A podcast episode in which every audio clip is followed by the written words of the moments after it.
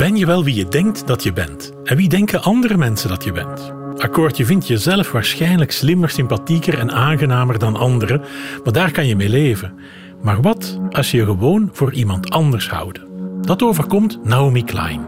Ze is schrijfster en opiniemaakster en bouwt al jaren aan de weg met ernstige onderzoeksjournalistiek en diepgravende analyses van het moderne kapitalisme. Met boeken als No Logo en De Shockdoctrine. En dus niet de schrijfster van De Zoete Leugen, want dat is Naomi Wolf. En die laatste is een wappie. Help voor Naomi. Welkom bij Voorproevers. Voorproevers. Dag Tim Verheijden. Dag Bruno. Dubbelganger heet het nieuwe boek van Naomi Klein. En het gaat over de verwarring die online bestaat tussen twee schrijvende Naomi's. Namelijk Naomi Klein en Naomi Wolf. Misschien moeten we die alle twee eerst even voorstellen. En wie, wie is eigenlijk, waar moeten we die Naomi Klein eigenlijk van kennen? Ja, van, van het boek No Logo, wie dat ooit gelezen heeft, maar wie is zij eigenlijk? Zij is een Canadese journaliste, activiste, ook heel hard bezig toch wel met de klimaatzaken de laatste tijd. En inderdaad, wat je zegt, bekend van dat intussen iconische boek dat een strijde trekt tegen de personal branding van de grote kapitalistische bedrijven van, ik ga de naam niet noemen, schoenenmerken bijvoorbeeld enzovoort.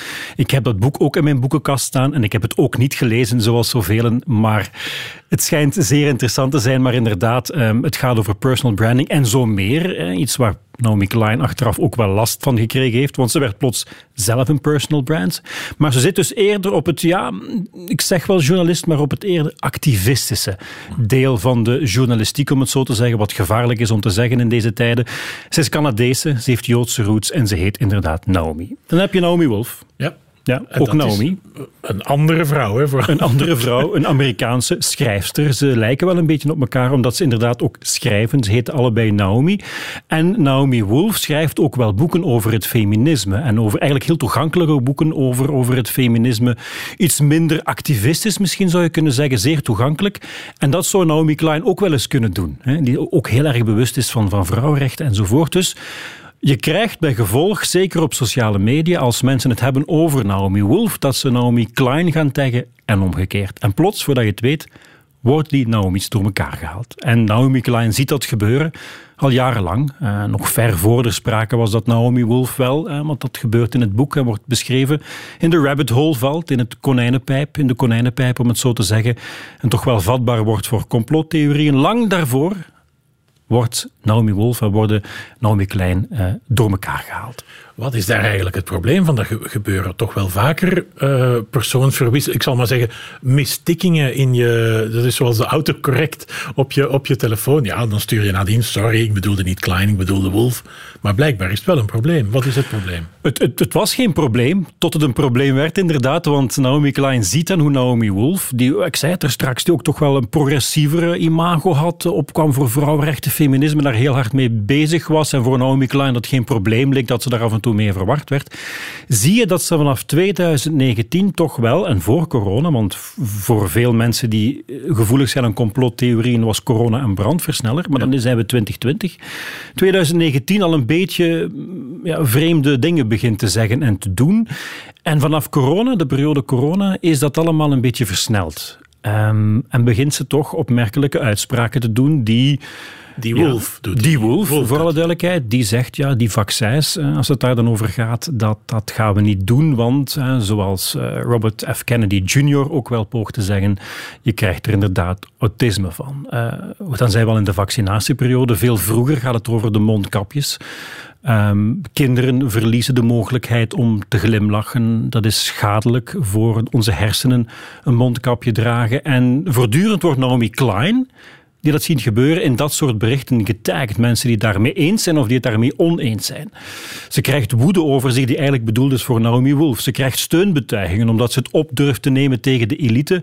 Krijgt ze ook allemaal in haar mailbox of in haar inbox van bijvoorbeeld uh, Twitter. En ze wordt voortdurend... Uh, door die namen, die Naomi's, worden voortdurend door elkaar gehaald. En ze besluit dus eigenlijk eens een mee in, het konijn, in de konijnenpijp te gaan en te kijken wat er precies gebeurd is met Naomi Wolf. Want dat, doen, dat doen wij eigenlijk niet. Hè. Wij, wij klasseren, ik heb het in het begin ook gezegd, hè, Naomi Wolf is een wappie en eigenlijk zijn we er klaar mee.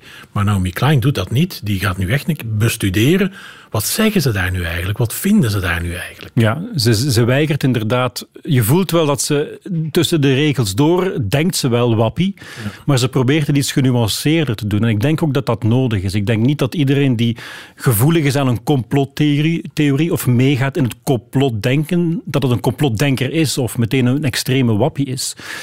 Ze probeert een beetje uit te zoeken hoe dat komt en hoe dat je in die konijnenpij belandt. Want het is niet omdat je je afvraagt, goh, uh, dat coronavirus zou dat toch niet door de Chinezen de wereld zijn ingestuurd uh, om, om ons allemaal te domineren, dat je meteen gelooft dat alles een complot is natuurlijk. Maar het kan wel heel erg snel gaan op die sociale media. Al dan niet, ja, eigenlijk wel aangestuurd door de algoritmes natuurlijk. En ze probeert wel te begrijpen hoe dat gebeurt. En, en je ziet ook hoe dat Naomi Wolf dan meer en meer in de spiegelwereld belandt, zoals Klein dat beschrijft in haar boek. Je hebt de wereld zoals wij die beleven.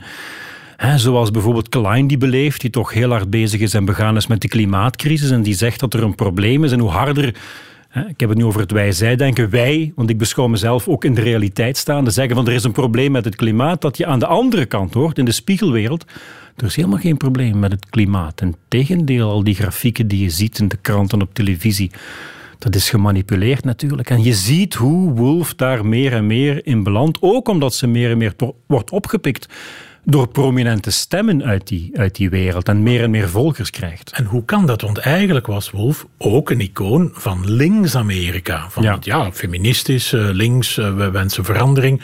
Zij is denk ik ehm, adviseur geweest van uh, politici. Van, van Al Gore, denk ik, in de klimaatzaak. Dus Bill Clinton ook. Is, ja. ja. Ja, Dus dat is niet zomaar de eerste, de beste. Dan, dan heb je toch al steun. Heb je, je hebt al vrienden. Ja, je hebt al vrienden. Maar in 2019, dus voor de coronacrisis, gebeurde toch iets opmerkelijks. Ze heeft een boek geschreven, Outrageous waarin ze onder, meer zegt dat uh, mannen die de homoseksuele liefde bedreven ten tijde van het Victoriaanse Engeland dat die uh, gedood werden. Um, en dan is zij live op de radio, op de BBC, over haar boek komen praten. En dan zegt de presentator dat ze daar toch een aantal fouten in heeft staan. Haar feiten kloppen niet. Wat vervolgt, of wat volgt, is eigenlijk een, een shaming. Ze wordt ten schande gemaakt, onder meer op het netwerk dat toen nog Twitter heette en nu X. En je zou eigenlijk kunnen zeggen dat is een voorloper van wat we vandaag cancelen noemen. Dus ze wordt daar toch wat uitgespuwd door de mainstream. En dat denk ik dat een trigger is geweest. En vervolgens gebeurt corona. En ja, Klein begint zich, of Naomi, kijk, ik doe het zelf. Wolf begint zich toch uh, een aantal opmerkelijke uitspraken te doen, omdat ze zich een beetje afgesloten voelt van de mainstream tot waar ze altijd heeft, heeft toebehoord. En dan vind je eigenlijk, ja, het is des mensen, denk ik, maar je zit thuis. Um, het is corona, we zijn afgesneden van de wereld, de technologie is daar, je gaat online. En ze begint standpunten te verkondigen waardoor ze plots een heel nieuw publiek kan aanboren. De mainstream die haar heeft uitgespuwd niet meer, maar een heel nieuw vers publiek. En voordat je het weet, wordt ze daar een prominent figuur in die, in die spiegelwereld, in die beweging. dat is bijna ja, de vijand van mijn vijand is mijn vriend. Want natuurlijk is die, die complottheorieënwereld, die is intussen gekaapt door, in, zeker in Amerika, door de hele MAGA uh, movement. Hè? Dus de Make the, the Trumpers. Make America Great Again. Ze wordt ook een prominente gast in de talkshow van Steve Bannon. Uh, die dat uitgevonden heeft. Die het uitgevonden heeft. Die, die ook zeer, zoals hij beschrijft, Klein dan in het boek, ook zeer goed. want de opdeling links-rechts is nog veel prominenter en extremer, denk ik, in Amerika dan bij ons. Maar Bannon rechts houdt zeer goed in de gaten wat links doet en probeert daar altijd op in te pikken. En een, een, een, een, een terrein, een groep die uh, Trump en Bannon heel moeilijk konden aanspreken, waren bijvoorbeeld de vrouwen. Het is natuurlijk wel gebeurd, maar toch, de vrouwen, daar lag nog wat terrein te winnen. En met een figuur als Naomi Wolf, door haar binnen te halen in die podcast, in die talkshow, kon hij opnieuw een nieuw publiek gaan aanboren. Dus je ziet ook ja, dat Bannon eigenlijk uh, ja, Naomi Wolf heel dicht bij zich houdt. En het is zeer opmerkelijk dat Wolf toch, toch een, een ja, een, opmerkelijk figuur, een prominent figuur in de feministische beweging in, in, in de Verenigde Staten. Plots, hè, ook, je ziet het ook aan het eind van het boek, dat gebeurt ook, je zag het ook op sociale media, plots zichzelf bewapend, hè, zoals we dat zien gebeuren. Ze moet zich bewapenen tegen de elite die, die de wereld domineert op dit moment, onder meer door vaccins enzovoort moeten de wapens gaan opnemen. Want het gaat niet stoppen met coronapasjes. Het gaat veel verder gaan. En dan zie je ook de, merk, de opmerking daarbij staan. Het wapen dat zij gekocht heeft, gaat ze in elkaar laten draaien door haar man. En dan zie je hoe dat. Einde van het feminisme is Einde van het feminisme. En dan zie je hoe iemand die toch ja, opnieuw progressief links was, helemaal naar de rechterkant opschuift. Ik, ik, ik zeg het nu zelf in, in, in, Ik deel het zelf op in een heel eenvoudige links-rechts manier van denken, maar ik hou daar zelf persoonlijk niet van. Maar je ziet die standpunten gewoon wel evolueren. En. Uh, wat vindt Klein daar dan van? Vindt ze dan niet leuk dat ze daarmee verwacht wordt. Maar ja, het boek heet Dubbelganger. Dus zij ziet toch wel wat gelijkenissen tussen haar en Naomi Wolf. Dus zij heeft toch het gevoel, zijn wij dan misschien... Misschien moet ze zichzelf ook in vraag beginnen stellen. Zijn wij misschien toch meer gelijkend? Zou het mij ook kunnen overkomen? Of hoe gaat Klein ermee om? Um, Klein stelt inderdaad die vraag, en dat is een zeer terechte vraag om te stellen, van hoe snel kan je in zo'n spiegelwereld belanden, waar volgens de mensen die in die spiegelwereld belanden, dat dat de opmerkelijke en echte realiteit is natuurlijk. En dan zit je al snel bij de soort horseshoe-politiek, dat sommige standpunten zijn, zijn zo extreem aan linker- en aan rechterzijde, dat ze elkaar natuurlijk gaan raken. Dus ze vraagt zich dat af. Um, al is zij er wel van overtuigd dat zij natuurlijk nooit in die spiegelwereld um, gaat belanden. En een heel interessante vraag die Naomi Klein zich stelt, en eigenlijk in het algemeen te stellen valt, is: wat hebben wij die mensen te bieden die volgens ons in die spiegelwereld beland zijn? Hoe halen wij hen terug? Want wij vinden, hè, wij vinden dat ze het contact met de werkelijkheid verloren zijn. Dat vinden wij uiteraard niet. Wij ergens moreel superieur zijn natuurlijk. Wij mensen die in de volgens ons echte wereld staan. En dat is een zeer interessante vraag, denk ik, waar heel veel mensen de dag van vandaag mee, mee zitten. Want ik, ik ga regelmatig spreken over fake news en desinformatie en algoritmes. En na acht van de tien lezingen komt er altijd wel iemand naar mij toe die zegt... Mijn zus gelooft inderdaad dat er onderaardse gangen zijn in Amerika, zoals Trump zegt, waarin kinderen worden verhandeld. Hoe haal je die mensen terug? Een zeer pertinente vraag. Wat hebben zij, wat hebben wij hen nog te bieden? Want dat zegt Klein ook in haar boek. De feiten zijn misschien wel fout, maar de sentimenten zijn juist. Als je kijkt naar het coronapasje. Ook wij mochten op een gegeven moment alleen nog maar op café en op restaurant gaan als we een pasje hadden. Veel mensen gingen niet mee in dat verhaal. Dat haakt op een aantal zaken in. Ik ken persoonlijk iemand die zich weigerde te vaccineren omdat die toch wel vragen had bij uh, de Big Pharma die het vaccin niet gratis en toegankelijk voor iedereen wilde maken. Er zijn daar inderdaad miljarden winsten mee geboekt. Die man zegt, ik wil dat pasje niet, maar mag vervolgens niet meer het café binnen, behoort niet meer tot de mainstream en wordt ook gevoelig aan het complotdenken. Ik heb daar vandaag geen contact meer mee, omdat een gesprek onmogelijk is geworden. Er zijn andere mensen die zich andere vragen stellen over dat coronapasje. In hoeverre wordt dat een digitale pas die ons doen en laten op termijn gaat volgen? was een interessante en terechte vraag, denk ik, om te stellen. En welke plannen zijn daar de dag vandaag nog altijd in? Maar dat haakt zich dan vast aan het onbehagen dat er is over techno-surveillance, om het zo te zeggen. De big tech die ons elke dag van s morgens tot s avonds in de gaten houdt. Dus, dus eigenlijk, het komt erop neer, er zijn veel oprechte, correcte bezorgdheden, maar als je niet oplet, geloof je alles. Geloof je alles, ja. Die bezorgdheden die ik, ik, ik, ik wou bijna zeggen die die mensen hebben, maar ik ga toch zeggen die die mensen hebben, die zijn oprecht. Die hebben wij misschien ook. Die hebben wij misschien ook. Die, die mensen maken zich, opnieuw die mensen, maar goed, die maken zich zorgen over een elite die er alles, alles boven onze hoofden beslist en die bijvoorbeeld het, de coronapandemie gebruiken om ons slaaf te maken van een nieuw communistisch systeem dankzij de chips in onze vaccins. Die chip is er niet in onze vaccin, maar misschien valt er wel iets te zeggen over een elite die alles boven onze hoofden beslist. En dan zegt Klein ook, en misschien is die boosheid terecht, maar waarom maken we ons niet boos over de bestaande problemen? Waarom maken die mensen die zich in de spiegelwereld bevinden niet boos over het feit dat er inderdaad een klimaatcrisis is en dat er een gigantische olielobby is en andere lobby's die oplossingen tegenhouden? Waarom maken zij zich boos over de verkeerde dingen en niet over de dingen die volgens Klein waar we boos over moeten zijn? Nogmaals, zij zijn activisten en is een groot uh, houdt een groot pleidooi, stevig pleidooi voor het aanpakken van de klimaatcrisis natuurlijk. Wat is dan eigenlijk het verschil tussen Klein, die zegt opletten voor Big Pharma, opletten voor het kapitalisme, opletten voor Big Oil, en Wolf, die zegt opletten voor de elite. Opletten. Ze zijn met ons van alles aan het doen. Opletten, want het is allemaal niet betrouwbaar. Wat is het verschil? Dat is de vraag. Wat is nog het verschil? En dan kom ik toch al snel uit bij ja, hoe de boosheid opnieuw is terecht, maar het gaat over de feiten zijn fout. En we leven vandaag in een, in een wereld waar er zoveel fake news en desinformatie is. En, en waar dat je ziet dat een, een, een groot deel van het wantrouwen dat er is, vandaag gevoed wordt door mensen zoals vandaag een Wolf, maar ook een, een Steve Bannon en zoveel anderen, die, die woede en dat wantrouwen voeden alleen maar om er een soort van, van politiek gewin uit te halen en onze maatschappij nog meer te verdelen en te polariseren. En dan wordt het gevaarlijk natuurlijk. We winden ons, denk ik, inderdaad, zoals Klein schrijft, vaak op om zeker de mensen in de spiegel weer, om gewoon de, de foute dingen. En ik begrijp de bezorgdheden van die mensen en de sentimenten waar ze mee zitten. Maar de dingen waar we ons echt moeten boos over maken, dat doen we niet. Ehm, is dat het probleem?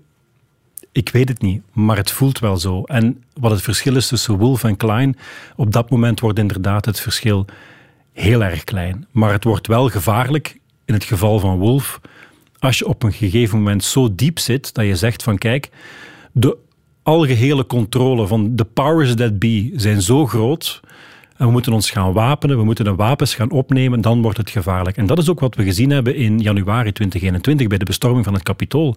Daar zie je gewoon dat dat soort theorieën en ideeën mee hebben geleid tot het feit dat daar Sommigen noemen het een poging tot staatsgreep. Maar goed, er zijn wel doden en gewonden gevallen. Dat alleen al is gevaarlijk. Klein wijst ook uh, op een, fenomeen dat we eigenlijk allemaal een soort van dubbelganger hebben. Onze online personage is niet, valt niet 100% samen met onszelf. De meesten onder ons hebben een veel aangenamer online personage dan wie in werkelijkheid zijn. Die is mooier, altijd interessante dingen bezig, uh, slim, fijne opmerkingen, grappig. Terwijl we in het gewone leven soms ook gewoon slecht geluimd, er bijzonder slecht uitzien en niet gedoucht zijn. Ja. Dus we hebben, we hebben allemaal een dubbelganger. Onze digitale dubbelganger. Um, ja, we gaan online en we doen ons inderdaad beter voor dan dat we zijn. Um, tegenwoordig is je, je niet beter voordoen dan dat je bent ook een ding op sociale media natuurlijk. Alles bespreekbaar durven maken, maar inderdaad, en dat gaat, die digitale dubbelganger die ontstaat. Hè, die digitale dubbelganger ontstaat door uh, de data die alle techbedrijven hebben over ons, maar tegelijkertijd inderdaad hoe we ons voordoen op sociale media, wie we daar zijn. En dat, dat bedoelt Klein ook met de, de, de eigen worsteling die ze heeft met personal branding. We zijn allemaal heel hard bezig met die personal branding. En Klein schrijft dan een boek, No Logo, hè, in mijn boekenkast maar niet gelezen, waar het onder meer gaat over die personal branding. Uh, waarna zij zelf een personal brand wordt. Want ze wordt wereldbekend na het schrijven van dat anticapitalistische boek, om het zo te zeggen. En dat eigenlijk met dit boek probeert te beschermen, hè, haar personal branding. Want ze wil duidelijk maken, er is maar één echte Naomi Klein en dat ben wel ik. Dat ben ik, ja. En verwar me alsjeblieft niet te veel met die met dat namaaksel. Met dat wappie, wolf, om het zo te zeggen, met dat namaaksel. Ja, en ze probeert dat heel hard te beschermen. Maar we zitten vandaag allemaal met een, met een dubbelganger. Um, en ik denk eigenlijk, ik vind dat zeer intrigerend om te volgen, hoe gaat dat evolueren, dat dubbelganger zijn? Hoe gaan, we, hoe gaan we daar, want het is gezond om daarvan los te komen. Stel ik bij mezelf ook soms vast. Hè? Ehm, maar hoe gaat dat evolueren in de wereld van AI, waar het heel gemakkelijk zal zijn om bewegende digitale avatars van jezelf te gaan maken? En sommige van ons gaan, zoals sommigen nu al doen, leven in de metaverse en onze digitale dubbelganger zal er nog iets fancier uitzien dan vandaag. Hoe gaat dat evolueren? Neem niet weg dat, ja, dat er inderdaad dat we allemaal een dubbelganger hebben. Um, online, maar ook dat we in het leven staan. Hè. We hebben um, de, de, de, de Tim die hier nu zit te praten over het boek, is eigenlijk een andere Tim maar toch een beetje een dubbelganger van de Tim die straks thuiskomt en met zijn zoontje met de Lego gaat spelen of uh, boodschappen gaat doen. Dat is een andere Tim dan die hier zit. En daar heeft ze het allemaal over. Ze, ze filosofeert daar verder over wat het betekent.